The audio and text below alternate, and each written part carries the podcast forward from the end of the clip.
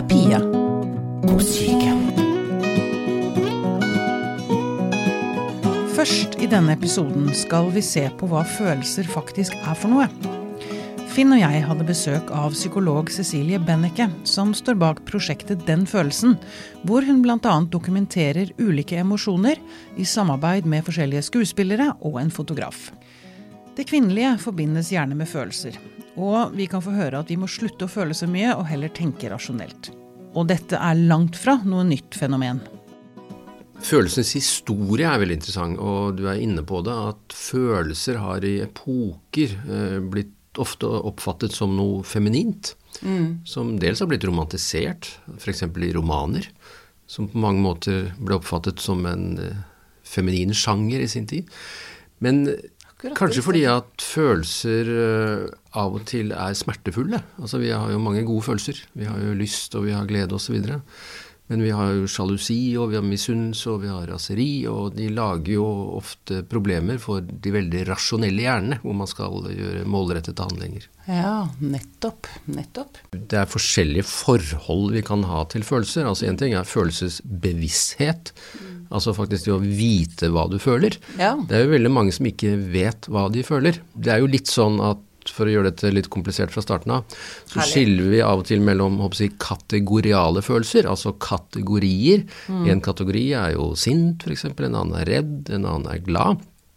Så snakker vi av og til også, særlig er det en uh, amerikansk psykiater som het Daniel Stern, som var opptatt av at det er ikke sånn at følelsene nødvendigvis kommer i disse kategoriene.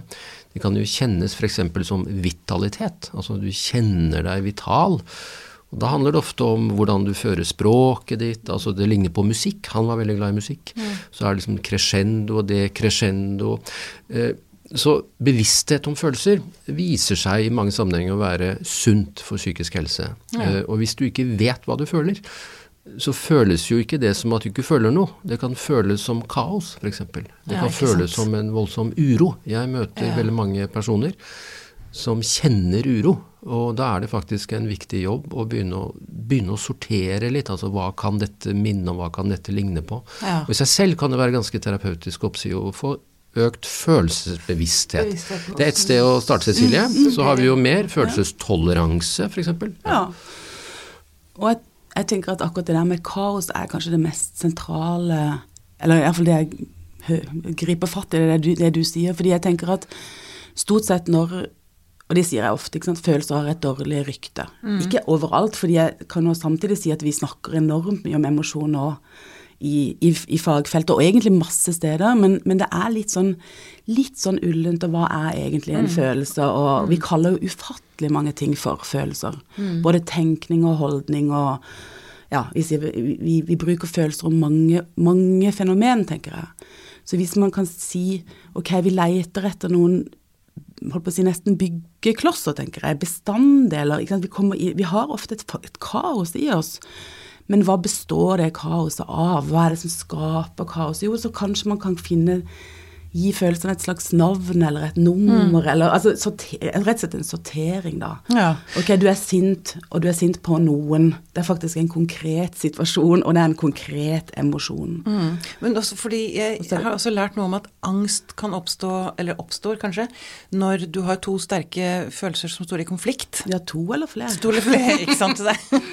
Hadde det enda vært så enkelt som at det bare var to. Men angsten kjennes jo Altså, vi har bare én kropp, vi har bare én kropp vi kjenner de, sånn at å, å, å, ha angst kjennes jo, altså Det er en fysiologisk opplevelse. Det kjennes som å være redd. Redd for en bjørn i skogen, eller sånn, hjertet slår, eller man blir svimmel eller kvalm, eller Men så er det på en måte Når vi, når vi kaller det angst, så sier vi at det er, det er, det er ikke det er ikke et objekt vi er redde for, men det er noe inni oss, altså mm. følelser som kolliderer, eller Og det er nesten verre, for det kan man liksom ikke slippe unna på en måte. ja, og så tolker vi det selvfølgelig, da, og begynner å gruble. Og tolker det sikkert feil. Ja, ofte, eller begynner eller? å gruble, eller fantasere om forferdelige ting som skal skje.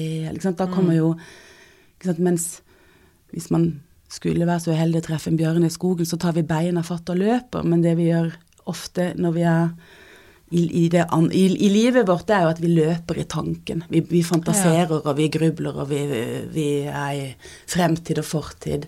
Og så får vi ikke helt tak i å ja, det som skjer inni meg er et kaos fordi jeg ja, er sint og lei meg samtidig. Og elsker. Eller, og elsker. Eh, veldig ofte elsker. Ja. Ikke sant? Mm. Sint på noen jeg er glad i. Ja. Veldig vanskelig. Nettopp. Og for det ligger et forsvar i kanskje det å bruke tanken for å prøve å sortere? Altså, jeg tenker at jeg er jo veldig glad for at vi har, har tanken. Vi trenger jo mm. den til analyse og til, til, alle mulige ting. Men det er klart at vi også kan tenke oss bort. Det er jo ikke noe vanskelig. Vi, vi, går på en måte lett, tenker jeg, over i noe ja, hva skal vi kalle det, noe generelt, noe, noe stort. Og så mm. er kanskje min jobb som ja, iallfall som terapeut, det er å si men hva er det som skjer akkurat nå, her, nå? Ja. Hva, hva, er det du sitter med nå? Altså finne de der byggeklossene, da. Fordi man kan være ganske redd for å se hva det er man faktisk føler. Veldig redd. Det har i hvert fall jeg ja. opplevd i terapi, mm. at uh, det, tar, det, kan ta tid å faktisk uh, erkjenne at jeg er jævlig forbanna f.eks. Og, og det har jo kanskje vært veldig skummelt. Altså, ja, det er jo veldig sant. ofte man hvis du tenker som, som, barn, da, at man ikke blir møtt. Ikke har, vi har jo masse erfaringer, de fleste av oss, på å ikke bli møtt på ja, enten atferden vår eller følelseslivet. Altså, mm. det, det, det, er ikke alltid at det står noen og tar oss imot med åpne armer når vi har liksom følelsesstormer inni oss. Vi lærer oss jo veldig fort at det er farlig. Mm. Eller ikke, ja. ikke, tro, ikke, til å holde ut da, for mm. andre. Mm. F.eks. å bli møtt med forakt ja, for eksempel, eh, er jo ganske drepende for et lite barn. Ja. Barns og man kan jo tenke seg altså en, Et mulig resultat er jo skam. ikke sant? Man kommer liksom løpende med hele seg, løper verden i møte. ikke sant? Se på meg, liksom. Se på mm. kjolen min, se på tegningen min. Og så blir man møtt med mangel på interesse eller forakt eller Og det, det skjer nok jeg tenker jo at det skjer, det skjer oss alle, men noen møter det veldig mye. Mye mer enn andre. Ja. Mm. Jeg forstår ikke jeg forstår ikke hvorfor man er så opptatt av å forske på hjernen når jeg, jeg mener det er så mye å hente her, da. Mm. Ja, men bare gripe litt i dette. Altså, det er veldig mange måter å nærme seg faget, fagene våre, som mm. Cecilie og jeg har og terapibiten. Mm. Uh, og så kan man tenke at en måte å tenke terapi på er at terapeuten ligner på en pille. Altså, jeg gir deg noe. Jeg gir deg en kur, så og så mange timer skal du få med dette. Mm. Jeg liker ikke å tenke på meg selv som en pille. Jeg liker å tenke på meg selv som en eh, partner. Altså, vi er to eller flere om noe. Mm. Og klart at Terapi kan også forstås som en slags pedagogisk situasjon, slik eh, et barn lærer f.eks. å regulere følelser via sine foreldre. Altså mm. Barnet har en forferdelig sterk følelse, og så skjønner mor det, og regulerer det og gir noe kontrollert tilbake. Mm. Og Sånn sett så kan man jo lære seg bl.a. i terapi da, at det som ikke ble tålt før, det kan tåles nå. Og så lærer man selv å tåle. Ja. Og da kan man kanskje neste gang eh, tenke at oi, det var trist at jeg kjente dette, men det tåler jeg. Mens man før kanskje tydde til flaska, eller tydde til selvskaden, eller tydde til rusen, eller tydde til volden. Altså fordi, som det ble sagt her, da, at Følelsen er ofte ikke problemet, men det at man begynner å agere på at man har den. Ja. Så terapi for oss det er jo å hjelpe folk til å bli bedre til å regulere, regulere. sine følelser, dvs. Si å tåle at man har dem, ja. uten å måtte handle så veldig mye på det hele tiden. Mm, ja, for det, akkurat det, dette skjønte jeg i går, faktisk. At hvis man utagerer, ikke sant, i raseri f.eks. Hvis man brøler og skjeller ut og slår vilt rundt seg, så er det et tegn på at man faktisk ikke evner å romme den følelsen er det ja, altså kan, Ofte vil jeg tenke at det er, et, altså det er en måte å det er en måte å ta det Man blir jo sliten av det, man kan få en liten sånn, en sånn Ikke akkurat en lettelse etterpå, men det vil jo føre til nye problemer og mer skam og i det hele tatt. Og det er ofte en måte å ikke føle på. Ja. Altså, så, og, og, vi tar det jo ofte som Han var så sint fordi han slo, og så tenker jeg det ja, eller var han kanskje lei seg, eller noe annet. Eller, altså, ikke mm. sant? eller hun var så hun gråt så, så hun var så lei seg. Eller kanskje hun var sint. Kanskje. så, vi har jo vi har, fø, vi har sant, følelser, men vi har jo også det jeg kaller kamuflasjefølelser. og Det betyr ikke at vi gjør det nødvendigvis med vilje, veldig ofte er det ubevisst. Men vi, vi kan dekke over følelser, vi kan vri de til, vi kan, uh, uh, vi kan handle sånn som du sier, altså mm. utagere. Mm. Og det er jo ikke rart følelser får et dårlig rykte hvis vi skal kalle alt det for Altså, det er ikke rart vi blir redd for følelser Nei, da, når det blir så mye Nei, eh, fordi det, Men så er, det, ja, så er det vel forskjell også på følelser og føleri. Ja. Og da, jeg tenker at vi har en del føleri ute i sosiale medier, og det er mange som Det er jo Ja. Altså, det gir jo ikke det at man føler noe, gir jo ikke en sånn carte blanche til, til noe som helst, tenker jeg. Og det er klart at det er mye føleri, og det er mye ja, Hva heter det da, Finn? Affekteri. Altså det, det, ja. det er mye, det er mye eh, men, men, hvis det skal gå som god emosjonsregulering, så, så tenker jeg, det tenker jeg er feil. Altså, det er rett og slett litt sånn dårlig. Ja, for du er ikke, du er ikke et bedre menneske bare fordi du står og griner nei, på en scene, nei, nei, eller nei, nei, ikke sant? Altså, Uh, abs absolutt ikke. Og det er ikke sånn at bare man føler noe, så er, det, så er det riktig. Men det er noe med å få tak i Jeg pleier å kalle det liksom dagens rasjonelle følelser. Altså, det er mange av de, da. Men, men, men, hva er det som egentlig skjer her? Mm. Eh, vi må undersøke litt, rett og slett. Ja, nettopp. Inni oss. Nettopp. Og med hverandre. Det er ja. ikke alltid sånn som det ser ut. Jeg mener, Tenk på en treåring, da. Raserianfall. Er det liksom ja, hun var så sint. Ja, eller kanskje sulten, trist, trøtt. Mm. Alle mulige ting på en mm. gang. Veldig bra. Mista seg. Mm. For å fortsette litt på det. Eh, det er ikke Altså, vi har Jeg er jo vant til Vi må snakke om følelsene våre. Men det tenker du ikke nødvendigvis er eh, helt riktig? Eller altså, en god idé? Det er jo Altså jeg har dette prosjektet med, med foto, og vi, vi, driver med film, og vi holder på med mye som ikke er å snakke. Men det vil jo være litt vågalt av meg å si at man ikke skal snakke om det, ja, fordi jeg er jo også terapeut. Mm. Men jeg tenker at vi også kan snakke det i hjel, da. Jeg tenker at det kommer utrolig mange ord som virker som en At vi nærmer oss noe, og så snakker vi Vi snakker oss egentlig bare bort, tenker jeg. Fra, jeg vet ikke hva du tenker, Finn, men eh, Jo, altså jeg er veldig opptatt av språk, og mm. jeg er litt nervøs for språk. For ofte mm. ser vi mye av språket om psykologi. Mm. Eh, er jo noe som i utgangspunktet begynner bra. Og så blir det fort til en slags sjargong. Mm, altså, ja. Da tømmer vi ofte mye av dette psykologiske språket for dets dybde. Mm, ja. Altså, jeg merker i dag at hvis folk sier, apropos noen sentrale følelser, da, hvis noen sier 'selvfølelsen min', vet du, den er så dårlig, da vet ikke jeg hva folk Nei. egentlig mener. Nei. Altså, vi, vi, kan ikke bare akseptere utsagn om følelser som om vi vet hva det er. Mm. Altså Angsten min er ikke sikkert at den lenger er angsten din. Så vi må liksom få tak i hva det handler om, f.eks. kroppslig, eller i de situasjoner de oppstår. Med hvilke personer de oppstår. Altså at vi ikke bare kjøper ord for følelser.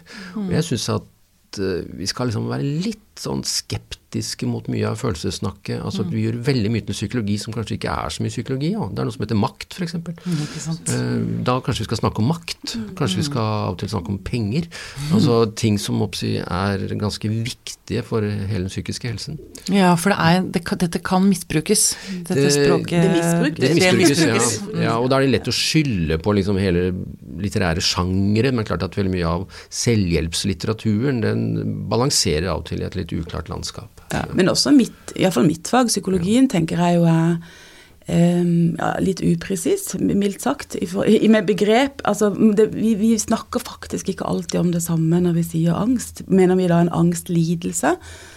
En eller annen uh, diagnose, eller mener vi eh, ang, altså en, på en måte det jeg kaller en normal angst, altså en reaksjon, en fysiologisk mm. reaksjon i kroppen. Og der tror jeg bare man kan fortsette. Hva, hva betyr følelse? Jeg tror ikke du får samme svar engang altså, fra Nei, folk. Altså i fagfolk. sånn at det har også vært en del av mitt prosjekt å bare prøve å liksom forstå mer, da. Um, ja. I hvert fall forstå hvor uenighetene ligger, da. uh, og, og, så I tillegg kommer da det med at vi kaller alle mulige ting en følelse sånn i, i dagligspråket vårt, liksom. Mm. Jeg følte at det var godt, eller følte at ja, uh, ja, men for det, er, for det er også en, en, forskjell på en følelse og en tilstand. Ja altså, eller, ser, ser jeg, ser på, jeg, ser på, dere begge. Så jeg, jeg kan godt si at en følelse er en tilstand. Jeg ville ikke protestert på det, men jeg mm. tenker at en, en tilstand er kanskje mer Hva skal man si da? En depresjon? ja, det vil jo være én type tilstand. Jeg skulle til å si å være blakk. Ja. eller eller um, å si gravid. Eller, uh, eller uh, søvnløs. Akkurat, ikke sant? Ja. Altså, så, så det, det, er på en måte noe som skjer med en, og det kan godt være at Du kan godt tenke sånn om følelser, men jeg tenker at følelser er mye mer ferskvare. Kommer og går. Den raskeste emosjonen vi har eh, det er overraskelse. Den er på et millisekund. Den, ja. den, så når vi skulle fotografere eh, overraskelse, så måtte vi jo overraske de gang på gang. fordi de kan ikke sitte i lang tid og se overraska ut, for da ser de for det er et glimt, egentlig? det. Ja, ja ikke mm. sant? for de, de ser bare måpende ut. Og de gamle bildene til Davin de ser rett og slett ikke helt friske ut. Liksom. Fordi til, til, sant, kamera, kamera De måtte jo stå lenge, da. Så de ser fryktelig Rett og slett litt sånn eh, ja, ikke så åndsfriske ut, de mm. som skal være overraska. Så de, om og om igjen Oi, oi, oi! liksom, skal mm. skape det. Mm. Så det er kortvarig.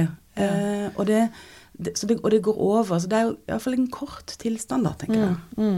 Det er jo trøsten, da, når det gjør vondt. At det ikke Tanken om det kan vare lenge, men, men vi, vi, er faktisk ikke triste liksom, eller, eller sinte i et år, eller nei, noe sånt. Konstant nei, samme på samme Nei. og det der er ganske viktig, for det er jo i dag en ganske stor felles bekymring, sånn som det har vært i mange tusen år, for ungdommen. Mm. Ungdommens sinnstilstand. Mm. Og det er nok mye som tyder på at den kanskje er bedre enn hva en del første sier, mm. alarmistisk mm. sier. Mm. Men hvis det er noe som er problematisk med ungdomssinn, så er det jo ofte ungdoms manglende opplevelse av at ting går over. Altså frykten for at denne tristheten kommer jeg aldri ut av, eller eh, denne mettheten går aldri over. Altså at noe av det fine med å vokse opp mm. bli voksen, det er jo at du vet at ting går over. Du har erfart? Ja, det gjelder mm. depresjon, men det gjelder også glede og lykke og tilfredshet. Det går over alt sammen. Eh, men det er nettopp det å ha en tillit til at ting ikke varer. Og det er ungdoms store utfordring. Altså å tro på det. Ja, nettopp. Mm. veldig bra. Um, jeg har lyst til å uh, Jeg er jo ikke så veldig akademisk anlagt. Jeg har ikke studert. Eh, fordi det jeg bare klarer ikke å tilegne meg kunnskap via ord, på en eller annen måte. Og jeg har alltid følt meg underlegen. Det er en følelse. Føle seg underlegen, eller er det en til? Nei. Nei. Det er jo det er klart at jeg, jeg vil ikke diskutere du føl, Hvis du føler deg underlegen, så kan du mm. kalle det en følelse, men det er ikke en ren emosjon. Det er mye tenkning der òg. Ja. Det er et slags skjema. Det er en slags skjema, ja. ja. Et slags skjema. Du lager et skjema. Ja. Altså, der er du i forhold til ja. uh, meg, f.eks., ja. som tilfeldigvis er professor. For eksempel. ja, akkurat. Nettopp. Ja, for du er veldig Finn er jo et levende oppslagsverk. Uh, jeg føler meg alltid liksom sånn Egentlig så har jeg snudd det til å tenke at åh, det er så fantastisk å ha Finn, for jeg kan spørre han om alt, og så bare løse, fikser han det. Mm. Så trenger ikke jeg å bry meg om det. Jeg trenger ikke å bekymre meg for det. Men det kunne jo være fint å ha et skjema på andre ting som var sammenlignbart, å sammenligne seg med andre. Mm. Ja. Eh, nå skal jeg prøve å være, gå inn i det akademiske, litt mer komplisert. Nevrokulturell imperialisme. ja. Den boka jeg ønsker meg til jul. Ja. ja. Snakker hjerne, hjerne, hjerneforskning, eller ja. ja. Altså, ja. Eh, altså jeg tror det var Nå får du nikke eller riste på hodet, Finn. Jeg tror at det var 2010 som var hjernens år, eller det internasjonale året for hjernen, eller noe sånt. Ja, og det har vært mye hjerne. Og det har vært, det har vært veldig mye hjerne, ja. i hvert fall. ja. ja. Og det må vi jo bare være glad for. Jeg studerte um, på Blindern ikke så lenge siden, og det var veldig mye hjerne. Um, jeg er glad for det. Men jeg tenker at det er en fare også for en, en reduksjonisme. At vi på en måte får en Altså vi, vi, sier, sier vi? Vi sier 'forskning viser at', og så sier vi eh, 'det lyser opp eh, på en hjerne, i sånn, sånn skanning av hjernen'. Det lyser rødt. et slags sånn eh, da, da, ligger liksom beviset der. Og jeg tenker at og det er ikke absolutt ikke alene om å tenke det, men så enkelt er det ikke. Det er ikke sånn at fordi at det lyser opp i amygdala, som er hjernestruktur her og her, så ligger følelsene der. Det er ikke sånn at fordi at det lyser opp et sted, så eh, har vi et senter for å kjenne juleglede, som det var en, også en forskningsrapport som viste. Altså, eller følelser rundt jula. Så jeg tenker at vi får ta det litt sånn um, ja, det er bra, men det er ikke så enkelt, tenker jeg. Og er, da er vi jo inne på den debatten med dualisme, ikke sant. Kropp, sinn, hjerne, hvor, hvor Ja. Hvis jeg dette vet jeg du er opptatt av, Finn. Ja, så du, ja. du lyder kritisk, og da har jeg lyst til å si at vi bør være enda mer kritiske. Ja, ja. Altså fordi at uh, det er mange ting å si om det. Uh, det er klart at uh, det har noe med teknologi å gjøre. altså Vi får disse hjerneskannerne. Mm. Men om det lyser rødt eller grønt, det handler ja. bare om hvordan du koder datamaskina dine. Mm. Uh, og dette har liksom fremmet del sånn, sånn jeg tror de roer seg litt nå, fordi at eh, dette har ikke gitt oss hva vi håpet på. Altså Vi har hatt 30 år med ganske intens hjerneforskning. Det har ikke gitt oss én eneste ny behandlingsmetode. Ja, altså Det kommer ikke noe ut av det sånt for oss behandlere. Eh, det er også litt sånn at vi begynner å tro på ting vi vet at vi ikke trenger å tro på lenger. Altså Oppe på kontoret mitt så har jeg et uh, frenologisk atlas. Mm -hmm. Dvs. Si et atlas som ble laget for 200-300 år siden, om hvor de forskjellige følelsene sitter i hjernen. Mm. Så tenker vi at det var gøy, uh, men det var jo mye tull. Mm. Uh, og vi driver nesten med en ny frenologi i dag. Altså der sitter frykten, ja den sitter mye i amygdala.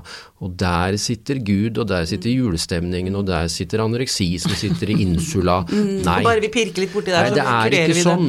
Fordi at det hjernen går glipp av. At It takes two brains to make a mind. Du trenger to hjerner for å lage et sinn. Mm. Altså Sinnet er veldig i stor grad relasjonelt. Det handler om mennesker som møtes. Ja. Eh, så det blir en reduksjonisme, og det blir fort misbrukt. Ja. Og sinnet kan vi rett og slett ikke kartlegge. Vi vet ikke, altså, vi, Ingen vet hvor det bor hen. Det er jo summen av alt, og skal vi ta med sinnet ordentlig, så må vi selvfølgelig ha med kroppen nå. Altså, det jo ikke en, Hvor skulle sinnet finnes? Det, det fins jo ikke en eneste følelse som ikke også har et kroppslig uttrykk. Mm. Altså, det er ikke kropp eller sinn, det er kropp og sinn. Mm. Helt klart. Ja. Og i, i en, altså det finnes en, en, eh, ja, si en mor, morsom forskning. Tror det var 2009, hvor det var en som het Bennett, som la en forsøksperson i sånn FMRI, sånn skanner. Mm. det var faktisk om følelser, det var om for å gjenkjenne eh, folks ansiktsuttrykk. Og det lyste altså det, det, var gode, det var rett og slett gode resultat. Det lyste. Det var et slags sånn, nesten sånn tivoli-blinking. ja. Vi, og jeg så ikke hvor i hjernen, men det mm. var der de antok at det skulle lyse.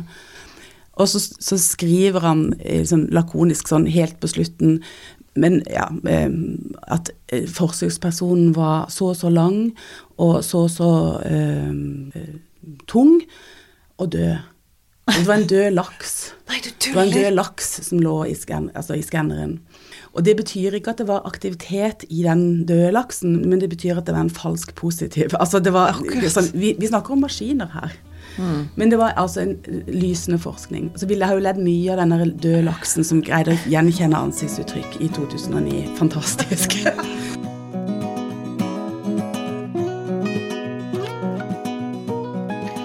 Finn og jeg har også hatt psykolog Hedvig Montgomery i studio. Hun er bl.a. kjent for å ha gitt ut bokserien om foreldremagi. I dag vet man hvor uhyre viktig det er at de voksne anerkjenner og tåler barns følelser, sånn at barna tidlig lærer å regulere følelsene sine. Og dette med at barn faktisk har følelser, det er ganske nytt. En gang i tiden, som ikke er så mange tiår siden, så kunne det hende at man ikke ga lokalanestesi til et barn. Eh, fordi man trodde på en måte at de ikke følte. En veldig viktig revolusjon i forståelse av barn kommer etter annen verdenskrig, og da handler en del om annen verdenskrig, for at i England ikke minst. Så for å beskytte barna mot Hitler, så ble mange av de sendt på landet i barnehjem. Altså de ble tatt vekk fra foreldrene sine. Mm.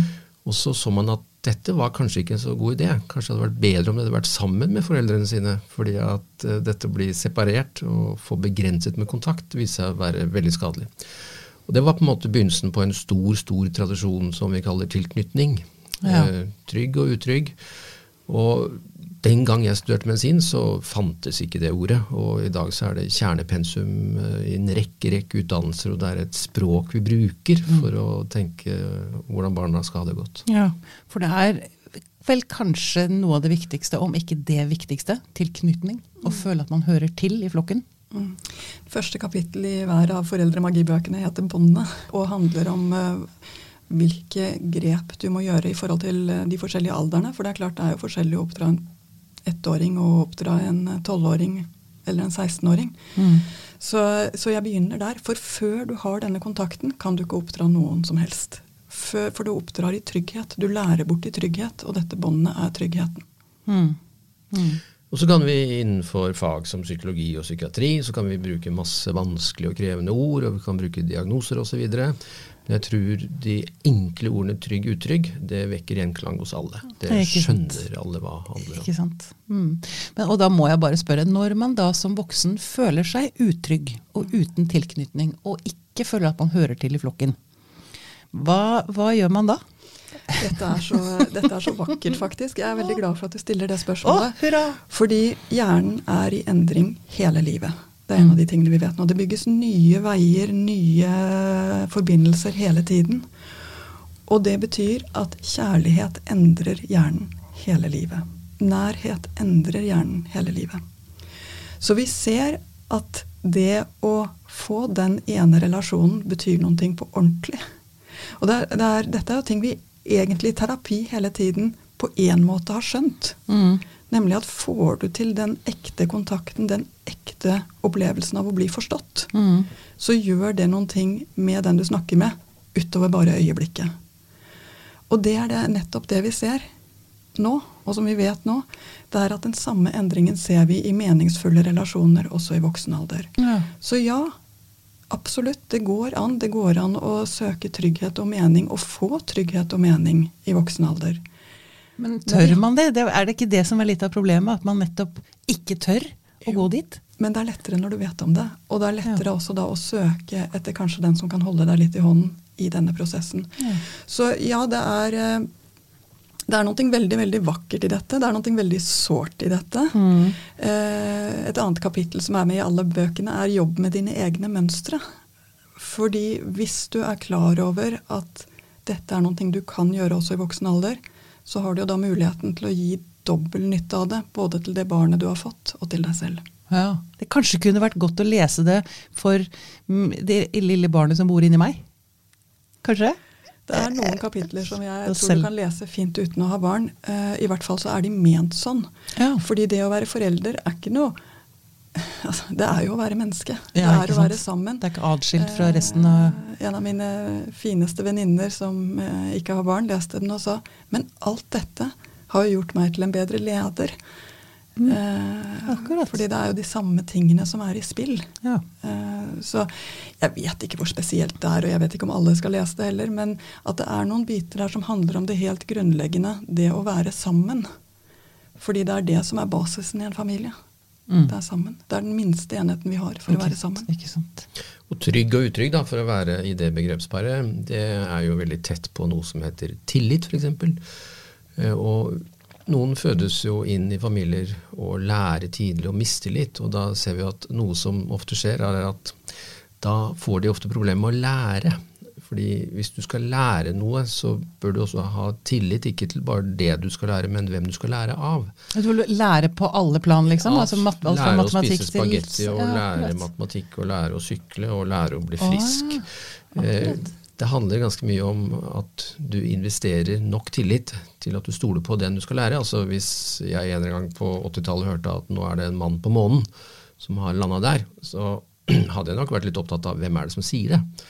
Er det en tulling, eller er det en trygg person som sier det som jeg kan stole på? Slik at trygg utrygg, det handler også om at vi kan oppsi, utvikle oss og bli friere, for at vi er trygge på at vi har folk rundt oss som vil oss vel. Ja, ikke sant. Ha. Det, det, det, er igjen, dette har jeg sagt før, det baller liksom så på seg. Det er så urettferdig. fordi hvis du først begynner skeivt, så er det akkurat som det, det blir bare, bare, vokser og vokser og vokser, liksom. Ja, det er men, mange gode sirkler, og så finnes det en del dårlige sirkler. Dårlige sirkler. Ja. Mm. Og igjen, det var vel litt av det som gjorde at jeg til slutt kastet meg langt ut av komfortsonen og inn i den uh, virvelvinden jeg havnet i. Jeg hadde jo ikke tenkt for øvrig at dette skulle ta av på den måten det har gjort. Eh, men det var nettopp at det er en del ting jeg så gjerne vil si til foreldre mens det ennå er tid. Er det mulig å få stopp i en dårlig sirkel i noen familier, så føler jeg at jeg har gjort en stor jobb. Ikke sant. Ja. Ja. Du, du, jobbet som psykolog for TV 2. Det gjør du kanskje fortsatt? Mm. Ja.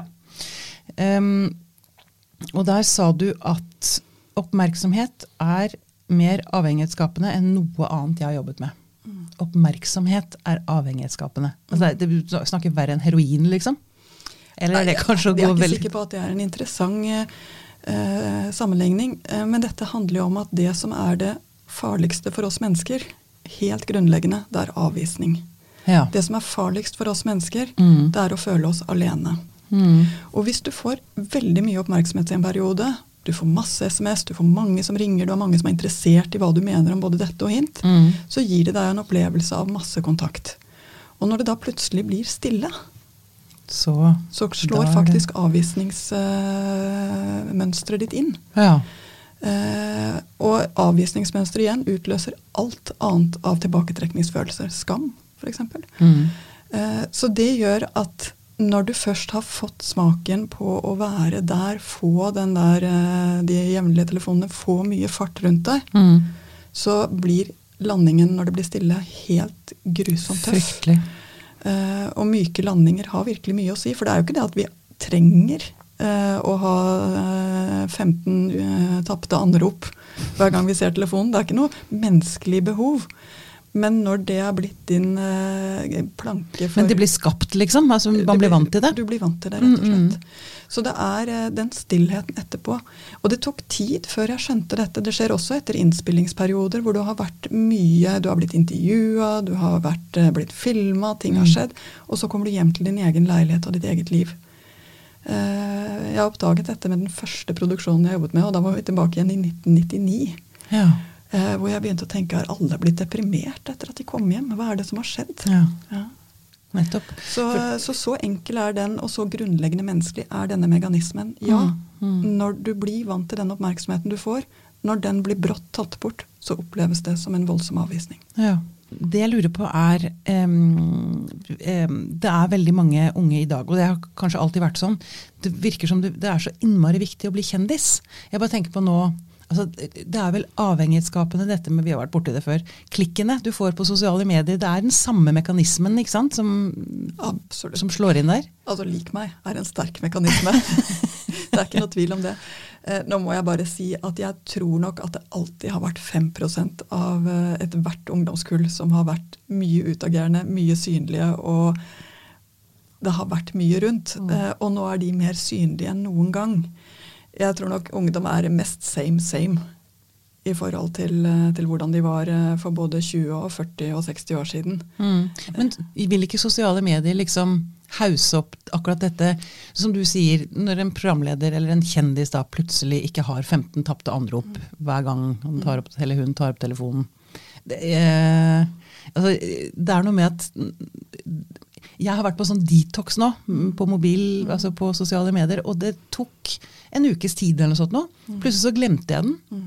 Jeg kom på jobben her for noen dager siden og hadde glemt å ta av flymodus. Mm. Og det er helt sånn what? Altså, vi har fått liksom et verktøy eller et, eh, et, nytt, et, en, et nytt dop, da. Eller? I hvert fall så har vi fått noe nytt som distraherer oss. Mm. Eh, noe voldsomt. Mm. Eh, og hva det betyr for noe, og hva det gjør for noe med oss, tror jeg ikke vi vet helt ennå. Nei. Eh, jeg tror det gjenstår litt å se. men jeg, jeg, er litt håpefull, merker jeg. Ja. Fordi jeg ser jo at 15-åringer eh, i dag håndterer det bedre enn 15-åringer for fem år siden. Og gjør de det? Ja. Aha. ja, det tror jeg jeg har lyst til å være enig med Hedvig i. Samtidig som det kanskje er en nyanse i det, at jeg tror en del 15-åringer mm. Eh, håndterer det bedre enn før. Og absolutt bedre enn mange av sine egne foreldre. Eh, og de er flinke på lydløs, og de legger den til side osv. Men så er det andre som ikke gjør det. Så mm. Vi snakker jo hele tiden om uh, forskjellssamfunnet, og jeg ser at liksom, noen får det til veldig bra, andre får det til ikke så bra. Jeg tror det er to ting vi snakker om. Eh, det ene er si, like, lik meg. Eh, og det er så enkelt som at en del av de som liksom laget disse mekanismene i Facebook-systemer osv., mm. de visste nøyaktig hva de, hva de gjorde. gjorde. Mm. De visste at dette var avhengighetsskapende. Eh, og, Brukte rødfarge for å trigge Ja, de visste det mm, altfor mm. Godt, og de har jo stått fram og sagt det. Mm. Og de sender sine egne barn på Montessori-skoler i California, hvor det er fullstendig mobilforbud. Mm. Så det er liksom den den avhengighetsskapende biten der. Det andre ting er at et moderne mediesamfunn eh, hvor det går an å bli veldig berømt veldig fort. Mm. Altså En gang så hadde vi én kanal i Norge, og det var NRK, og der var folk fast ansatte. Og der var det ti kjendiser, liksom? Det var, det, var det vi hadde. og så kommer nye fjernsynskanaler, og så kommer prosjekter, du lager en programserie, og så legger du ned igjen. og så Plutselig så er det noen som blir veldig berømte fordi at du har disse visuelle mediene som har mm. veldig stor spredningseffekt. Og som Hedvig snakker om, så plutselig så er programmet ditt over, og så er prosjektørene slått av. Mm. Så blir det mørkt. Mm. Og det er på en måte et kjent psykologisk fenomen, men det er også skapt av den type mediesamfunn vi har. Ja, ikke sant. Visst er det det. Mm. Eh, jeg tror også, som du er inne på, at de fem prosentene som alltid har vært litt at risk, er enda mer at risk med den muligheten som nå ligger i å få dette kjendisskapet. Ja. Det, mm. det, tror jeg bare er å innse. Mm. Og så har vi i Norge en utrolig interessant og munter, melankolsk og alvorlig forfatter. Nå prøver jeg å skape spenning her. Han heter Erlend Lo. Ja. Eh, han blir 50 år denne måneden her. Mm. Uh, og jeg snakket en del med han uh, om dette med kjendiseri, f.eks. Og et av hans poenger er at folk var gjerne kjendiser før fordi at de hadde gjort noe. Altså stort sett gjort noe bra, eller så hadde de gjort noe som ikke var så bra. altså De var blitt veldig synlige. Mm. Altså Det var noen meritter bak det. Det var liksom enten å gå til Nordpolen eller begå drap? Ja, mens mange kjendiser i dag er jo egentlig kjendiser uten å ha gjort noe særlig. Mm. De har bare altså, vært veldig altså, på skjermen. Fordi liksom. de er kjendiser fordi mm. de synes. Uh, og det kan jo av og til også ha litt også å gjøre med den ballasten de da bærer på. Uh, mange bloggere ja. blir jo veldig fort kjendiser uten egentlig å prestere så veldig mye interessant blogging. da. Ikke sant? Men de selger varene sine og tjener penger og får plutselig fame. Uh, ja. Så det er kanskje noe med robustheten også hos en del av disse som blir plutselig kjendiser. Det er jo dette som er Hedvigs arbeidsfelt. Ikke sant. Mm. Men fordi det betyr vel da at Eller er man ekstra sårbar for denne, dette dopet hvis man da ikke hadde god tilknytning som liten? Henger det, ser, du sammenhenger, ser dere sammenhenger der? Det er klart at jeg, Nå snakker vi om Eller? veldig mange medier på én og samme gang. ja, ja. Eh, men jeg ser at den risikoen for dem som er litt fritt, eh, litt båt uten anker som 15-16-åringer, eh, mm. de kan kaste ut ankeret sitt helt feil med den muligheten som ligger i, blogging og oppmerksomhet. Mm. Det ser jeg absolutt. Mm. Og jeg ser også at foreldre der er litt naive. De som kanskje burde ha stolt minst på barna sine, de som absolutt mest burde ha trukket barna sine til seg og spurt hvordan går det, hva har skjedd, eh, de er det som sier nei, klar, hun klarer seg så fint. Okay. For, fordi at nå, nå, nå, skjer det så mye rundt henne. Ah, ja, sånn, sånn, at, sånn, at, logikken blir helt feil. Ja. Det å, å holde på sine barn hele veien ut, det å være genuint interessert i dem hele veien ut, er en veldig vesentlig del av foreldreoppgaven. Ja. Mm. Jeg må jo si at jeg tror det eneste som hjelper mot den negative perfeksjonismen og den negative strekkingen, er nærhet. Ja. Det er de nærmeste relasjonene. Det er å holde på de som virkelig betyr noe i livet ditt. Mm som gjør at du har den forankringen, som gjør at du kanskje også tåler de klikkene eller ikke de klikkene. Ja, Flere teltplugger. Flere teltplugger. Rett og slett. Mm. Um, det er litt i samme leia. Det, er en ting som jeg også har tenkt på. Um, uh, mennesker som uh, i kraft av sin posisjon får veldig mye oppmerksomhet, blir invitert mange steder og sånn. Og så plutselig så mister de jobben, eller slutter i jobben, og så tror de at de vil være fortsatt like populære, like, få like mange invitasjoner og sånn. Men det skjer jo ikke. Og da står vi i samme problemstillingen. Eh, da, da mister man igjen den derre Jeg syns det er så rart at ikke man ser det selv. At man, ikke er, at man ikke forstår at det er bare rollen jeg spiller. Jo, men det store menneskelige fallet mm. eh, har vært et tema i all litteratur så lenge vi har hatt litteratur. Ja. Fallet og selvbedraget mm. eh, er helt gjennomgående temaer. Så dette er menneskelig. Enten du leser Bibelen eller du leser Jan Kjærstad, så vil du finne denne tematikken. Så sterk er den. Eh, og jeg tror nok at vi alle sammen Altså, vi, vi, kan ikke gå rundt og tenke på fallhøyden vår hele tiden. Nei. Uh, så Vi får heller ta den smellen hvis den kommer? Ja, den kommer. Jo, på en måte, men så kan jeg også si at vi er jo ikke noe i tvil om hvem dette går hardest utover. Eh, og det er eh, tradisjonelt menn eh, med lite kontakt med egne følelser. Man er mer utsatt hvis man ikke har Hvis man ikke har språk for det og nærhet til, til, å kunne snakke om det, uttrykkende dele det. Altså Følelser er så mye, og en av de tingene følelser er, er kommunikasjon. Mm. Og når du ikke har den eh, kanalen, så vil du snu allting innover når det går dårlig, og det er da vi får den store, store selvmordsrisikoen.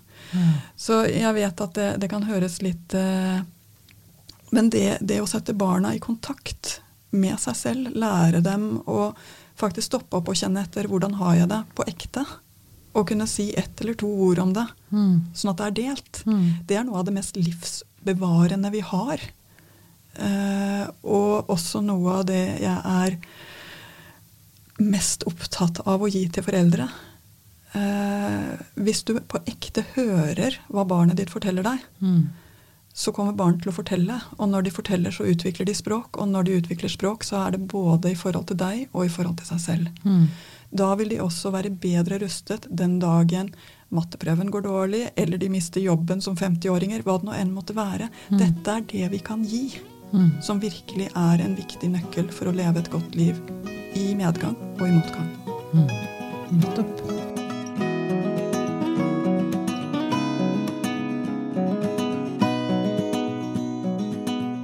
Nå til sist skal det handle om lykke og jakten på lykken. Karianne og jeg snakket med Ragnhild Bang-Nes fra Folkehelseinstituttet, som forsker på lykke og livskvalitet. Norge ligger jo i verdenstoppen på levekårsundersøkelser, men det betyr jo ikke at vi subjektivt alltid føler oss så veldig lykkelige. Men ikke sant, vi også opplever jo på en måte kriser. Altså hvert mm. eneste år så er det én av fire eller én av fem i Norge som opplever to eller flere belastende livshendelser samtidig. ikke sant? Mm. Oi, ikke, det er såpass. Ja. Og da snakker vi miste jobben, skilsmisse, dødsfall, ja, bli sykdom. syk, eller andre i mm. nær familie blir syke. Mm. Altså, liv er jo utrolig vanskelig. Mm. Og så vet vi også at det er jo ikke helt jevnt og rettferdig fordelt. ikke sant? Nei. Vi ser jo opphopning hos noen. Noen mm. er mye er mer uheldige, både med ikke sant, opphopning av levekårsproblemer og ja. Men, og blir det ikke da, spesielt for de som, hvor det er opphopning, så blir lykkebegrepet litt sånn vanskelig for meg, tenker jeg. Fordi, mm, det kan det nok være. Ja, fordi jeg tenker mm. altså Jo vanskeligere man har det, jo mer kan man på et vis jage etter en tilstand som skal være bedre, eller hvor jeg skal kjenne noe lykke eller skal være lykkelig. Mens lykke er vel mer enn noe som bare skjer mens man lever livet. Altså at det er en sånn en bieffekt eller en ja, bivirkning av noe, eller? Ja, for er lykkejaget ja, blitt for sterkt? Det er jo noe med det at Da kan jo det bli en problem i seg selv, mm. altså at man mm. jager etter den tilstanden ja. som er vanskelig å oppnå, da. Mm. Ja, ja, det er flere veldig sentrale ting du tar opp der. Selvfølgelig dette med, dette med å jage etter etter lykken. Mm. det ser man i en del eh, eh, undersøkelser, at det å på en måte ha en sånn strategisk lykkesøken som man ofte kan på en måte få inntrykk av at man inviteres til i ukepressen eller, mm. eller mange, mange, steder Hvis du bare gjør sånn og sånn, mm. så blir du evig lykkeligere og makslykkelig osv. At det ofte kan henge sammen med at man er, har mindre sannsynlighet egentlig for å mm. bli lykkelig. Mm. Um, og det har nok både sammenheng med at, at, det kan gjøre at vi setter så høye krav til, til eh, lykken eller til tilværelsen. ikke sant? At vi ikke kan møte de heller, så man blir, kommer hele tiden til kort, på en måte.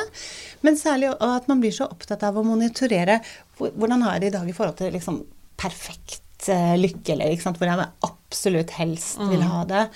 Um, noe av det som mest kanskje enda viktigere er vel det at når man blir så opptatt av seg selv og sin egen lykke, så har man mindre oppmerksomhet mot andre. andre og lykken mm. og, og, gleden i livet er veldig ofte knyttet nettopp til det sosiale fellesskapet. Bidra eh, for andre, f.eks. Eh, så jeg tror ofte at lykken er egentlig en slags biprodukt, om vi kan mm. kalle det. En, en, følge av gode og sunne og trivelige, hyggelige aktiviteter. Mm. Gjerne med andre. Eh, det er der man ofte henter glede, rett og slett. Altså.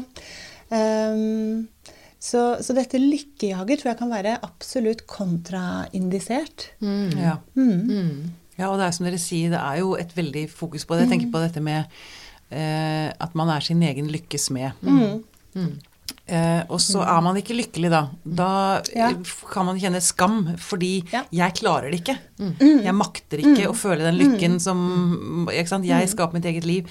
Ja, det kan jo eh, på en måte også være at man da individualiserer en del samfunnsskapt lidelse også, ikke sant. Det er mm. veldig um, dette, med å, dette med individfokuset mm. uh, som jeg er litt opptatt av. og Det er derfor jeg ofte bruker også begrepet livskvalitet. For jeg syns det tvinger oss til å på en måte se lykke eller et godt liv i en som et um, no, mangefasettert da. Mm, mm. Eh, fenomen. ikke sant? Altså, det er så mange ting eh, som et godt liv eh, er fylt av, eller bør være fylt av. Og, og, og, så dreier det seg ikke bare om de indre kvalitetene. Men altså, jeg synes kvalitet på liv, livskvalitet, tvinger oss på en måte til å fokusere også utover og erkjenne at um, at omgivelsene og levekårene og betingelsene vi lever innenfor, er så viktige for hvordan vi har det. Um, og, og, mye av lykkeforskningen, og kanskje også ja, eh, Kanskje vår egen bransje, hvis vi er psykologer, har fokusert så, så um, eh, på ens eget indre. Mm. Eh, kanskje i altfor stor grad. Altså at vi noen ganger har, har uh, vært for lite flinke til å se på, på livsbetingelsene. Um, og så kan man si at selvfølgelig det med å Hvis du er herre over ditt eget indre, så blir du i hvert fall ikke slave twice, på en mm, måte. Mm, mm. Eh, men jeg tenker at det er veldig viktig at vi hele tiden på en måte eh, vender blikket mot eh, muligheter og, og, og i omgivelsene. Mm. og også begrensningene, og at vi har et samtidig fokus på det indre. Mm. Mm. Styrker og utfordringer både i det indre og, og i, i, i miljøet eller konteksten vi lever innenfor. da.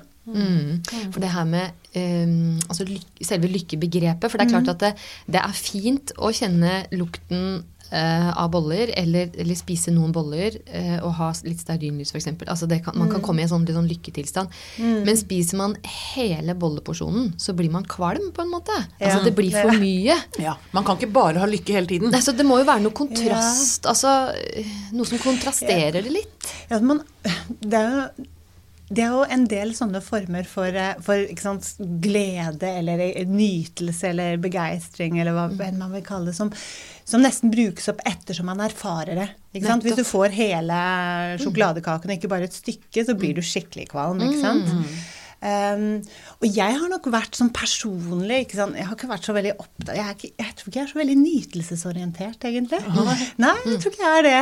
Og jeg har liksom ikke vært så veldig opptatt av det å sette liksom nesten noe som kan være avhengighetsskapende. Mm. Men vi ser jo i forskning på en måte at dette med disse glimtene kan ha viktige eh, helende eller, eller eh, effekter på kroppen. F.eks. en sånn fysiologisk Dette med å viske ut etterreaksjoner av stress. ikke sant? Det, må opp, ikke sant? det, det gjør, det, det gjør det lett altså det med å ha noen sånne opplevelser gjør det lettere å gå videre i en tung hverdag, f.eks. Mm. Eller mestre en vanskelig livssituasjon. Og man ser i eksperimentelle undersøkelser f.eks. dette med at, um, at hvis du setter mennesker i en veldig sånn stressende situasjon så Hvis de opplever noe som er litt sånn hyggelig eller trivelig, mm. mm. så kan du se hvordan på en måte rett og slett et, altså visker ut fysiologiske Akkurat. reaksjoner, ikke sant. Ja. Um, så det har nok en viktig funksjon for oss, men jeg tenker at, uh, at uh, lykken er veldig mye mer omfattende enn mm. det, da. Mm. Um, og at det selvfølgelig kan virke avhengighetsskapende også. Mm. Det er jo sikkert koblet til de, mye av de samme nettverkene i, i hjernen og kroppen som også uh, en del avhengighetsskapende aktiviteter eller uvaner er koblet på. Ja. Du, Er det noe eh, vi så langt ikke har touchet innpå fra forskningen din som du tenker at er viktig å liksom løfte frem her? Som, som, vi ikke tenker på Altså, du snakker mye om, om omgivelsene. Ja. Livsbetingelsene vi har. Mm. Og det er det jo Jeg tenker jo at det er jo veldig ofte veldig vanskelig å gjøre noe med. Nei, jeg vet ikke. Nei, ok. Jeg vet ikke om det nødvendigvis er det enten det er fra et um Eh, men fra et sånt samfunnsperspektiv så, så vil, kan det jo innebære alt fra måte, endring i skatteproblematikk eller gjøre noe med um, tilgangen på arbeidsplasser, eller det kan være rent mm. arkitektonisk, sånn at vi skaper flere møteplasser, ikke sant. Mm. Um, og så kan det jo være for enkeltindividet å, å endre på en måte um, hvor man går til jobben, for den saks skyld, ikke sant. Ja. men det vi ikke har snakket om, og som kanskje er noe av det jeg har drevet nesten mest med, er jo dette i forhold til genetikk. Um, at det er forskjeller mellom oss i hvor For det første selvfølgelig er det forskjeller i hva vi liker å holde på med, hvor vi finner hva som er kilder til gleder for deg og meg. Men det er ikke like lett for alle å se lys på livet. Og det har ikke bare med betingelsene våre å gjøre, Nei. men også liksom personlighet eller lynne. Og noe av det jeg jobbet med i doktorgraden, var jo å se på denne Vi ser i, i veldig mye av lykkeforskningen, hvis vi skal kalle den det, at det er en veldig sånn stabilitet. Altså folk som er fornøyd på ett tidspunkt, er ofte på et annet tidspunkt også. Og fornøyd både på treningsstudio og på jobben og på trikken og, og hjemme. Og, sånt. Så, det er, eh, så det er en viss Selv om vi hele tiden påvirkes av omgivelsene rundt oss og hva som skjer, så, så er det en slags sånn stabilitet. Mm. Uh, og den, på en måte, hvis vi kunne på en måte isolere selve stabiliteten, da, mm. eller hvis vi ser bare på, på, denne grunnstemningen, hvis vi skal kalle det, så har den ganske sterk sammenheng med genetikk. Ja. Uh, og sammenheng med personlighet. Men det betyr at hvis man er gjennomgående grumpy, så man, sitter man der, liksom. Da er man ja, så er jo bare stabilitet noe av det hele. Ja. Ikke sant? Sånn at, eh, og vi ser jo disse tvillingdataene eller undersøkelsene også at Eh, sånn umiddelbar positiv affekt, da. Eh, ikke sant? Sånn som jeg var eh, for noen år siden, så hadde vi en sånn um, lykkekonferanse, eller Positive Psychology-konferanse i Frankrike. Og, og, jeg har ofte brukt bilder derifra. For den kvelden vi kom, så var det England og Island som spilte mot hverandre i fotball. Ja. Var det VM? Nei, det var EM. Mm. for det var to. Ja.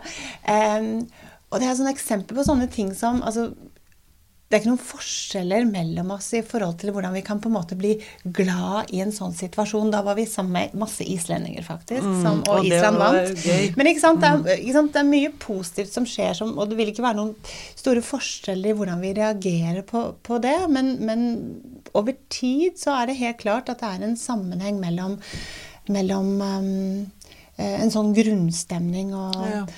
um, og hvordan, altså det, er, det, er, ikke like lett for alle. Mm. Um, men det betyr på mange måter ikke at vi ikke kan få et mye bedre liv. Mm. Liksom, noen har lett for å legge på seg, mm. og noen har på en måte utrolig talent for sant, å utvikle muskelmasse og bli eh, mm. flinke skiløpere eller i det hele tatt. Og andre er gode på uh, musikk eller ja, Ikke sant? Vi mm. har litt mm. ulike talenter, hvis vi skal si det sånn. Og hvis vi ikke utvikler de talentene, eller bruker de.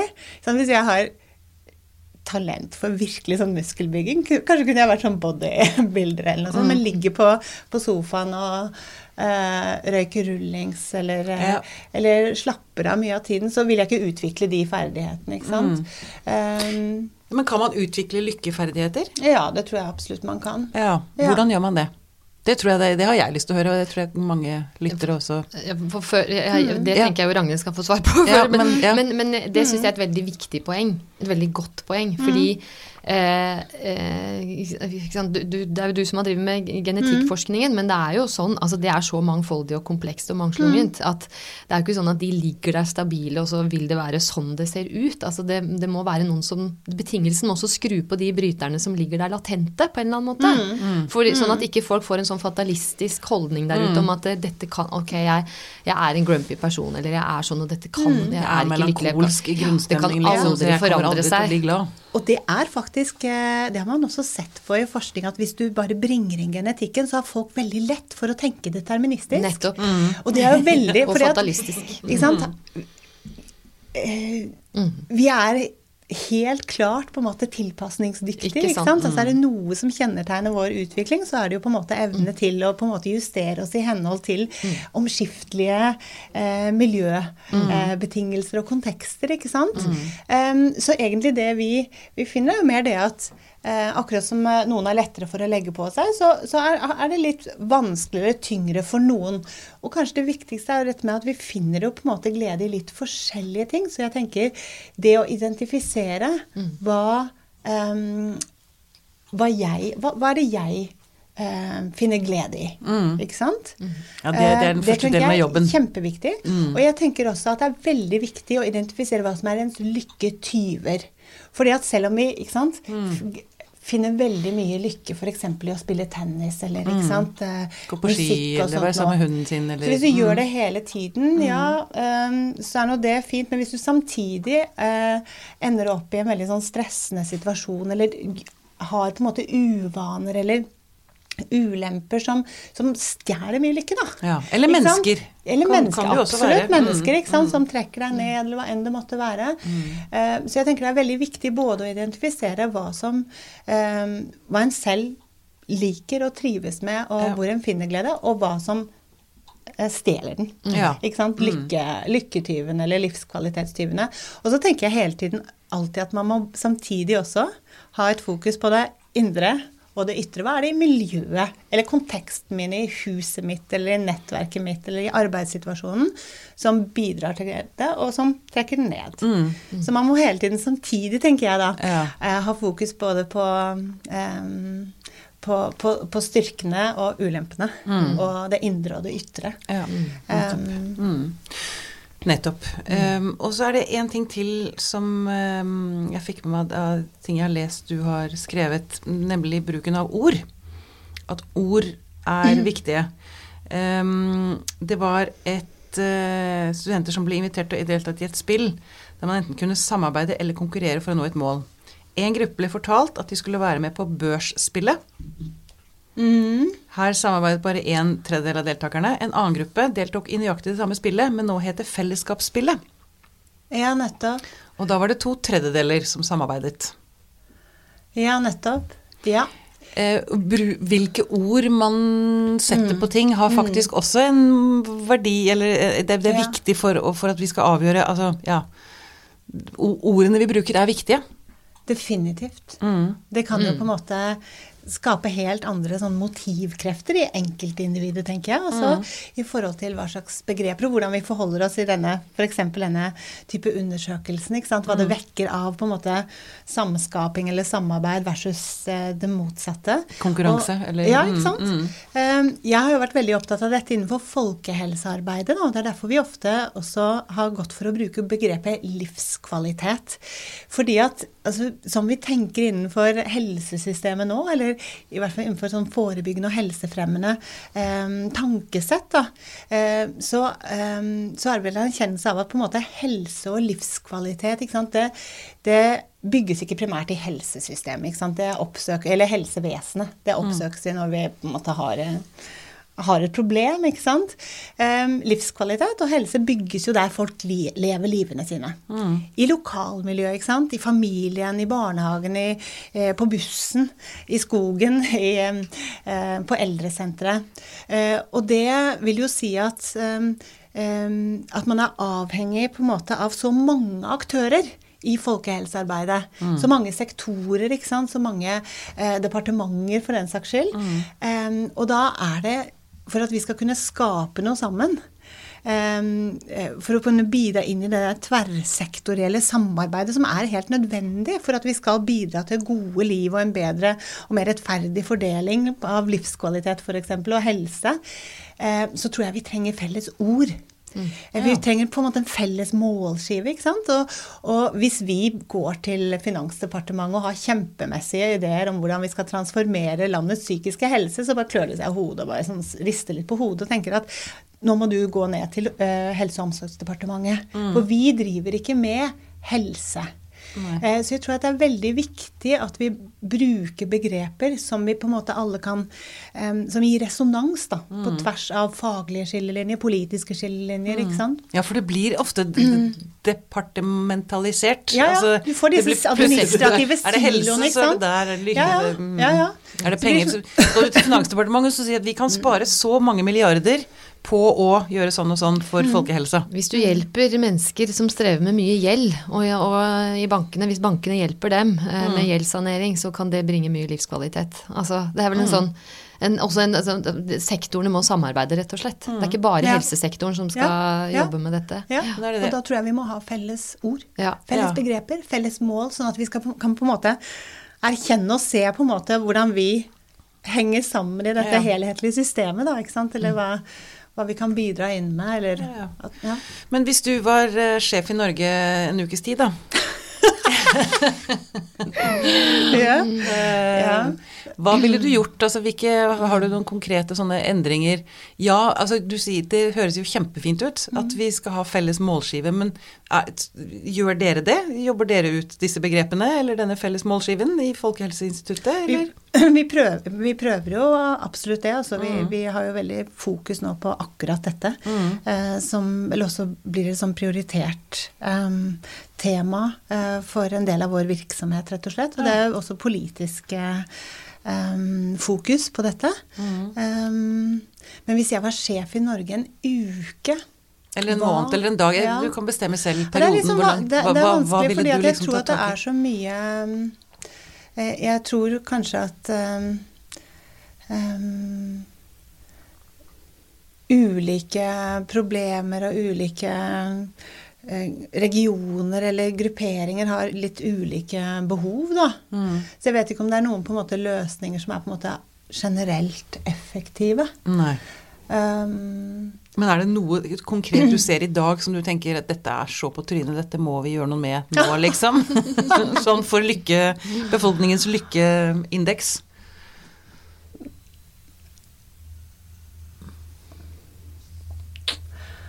Nei, det stilte meg. Ja, ja, ja. ja, ja, ja det ble sånn overload eh, i forhold til eh, hva man i så fall skulle, skulle, velge. Altså, jeg tenker at i hvert fall for å bidra til eh, gode liv, så er det i hvert fall på en måte tiltak som kobles på, på og styrker fellesskapet, tilhørighet, ikke sant. Eh, nettverkene, deltakelsen. Mm. Um, sånn at det å, å fokusere på å og, og bidra til um, gode nærmiljøer, ikke sant. Mm. Gode, uh, trygge og deltakende um, fellesskapsarenaer er jo veldig viktig. Mm.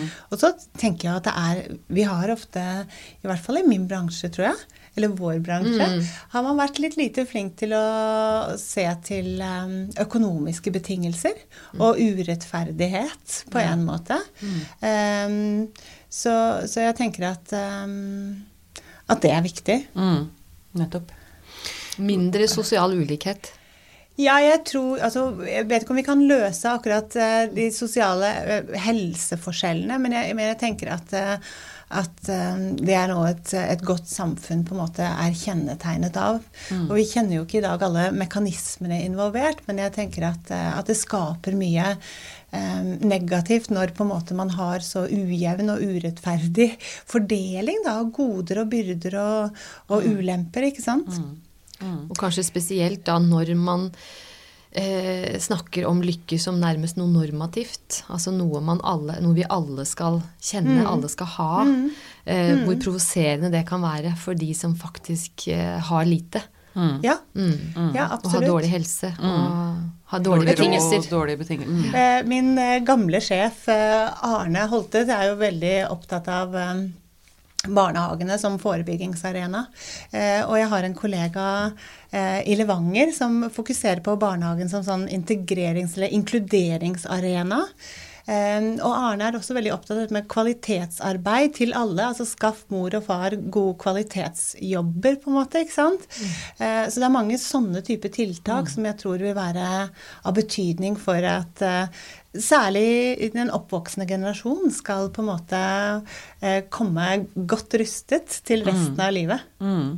Hvis man skal som, som enkeltperson sånn foran et nytt år nyttårsforsett. Hva bør man være oppmerksom på hvis man ønsker å for, altså øke sin egen livskvalitet, da? Annet enn å altså, Ja, jeg skal vinne i Lotto. Altså ikke sånne ting.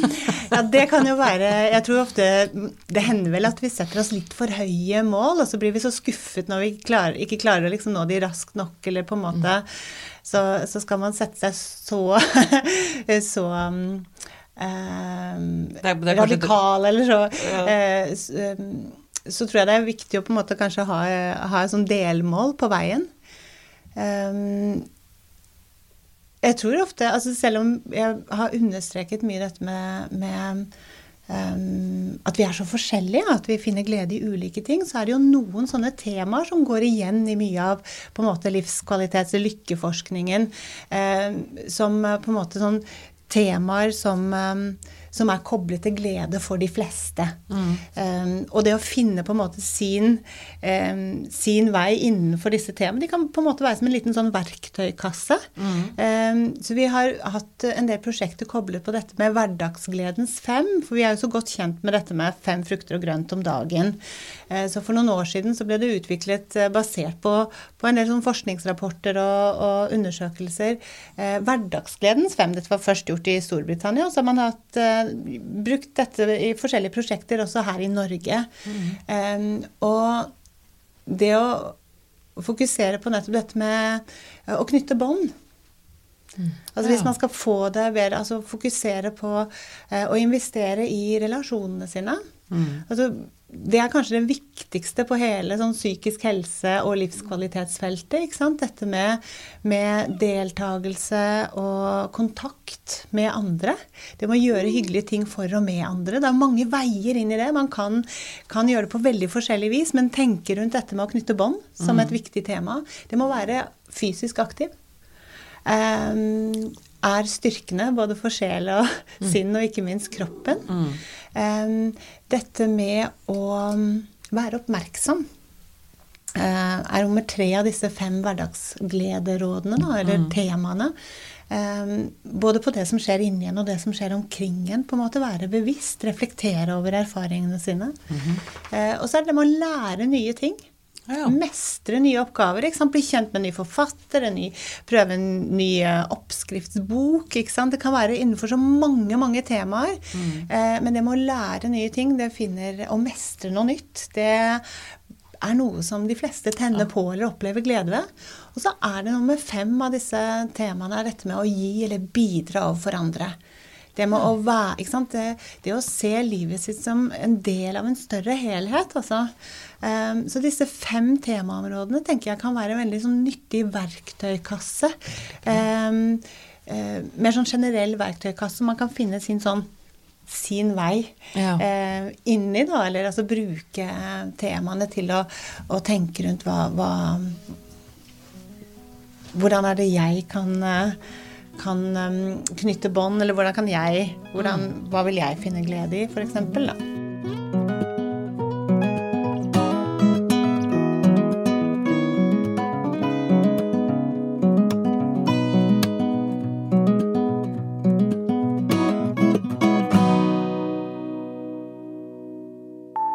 Podkasten er produsert av Tid og Lyst. Med støtte fra stiftelsen Kåre Berg.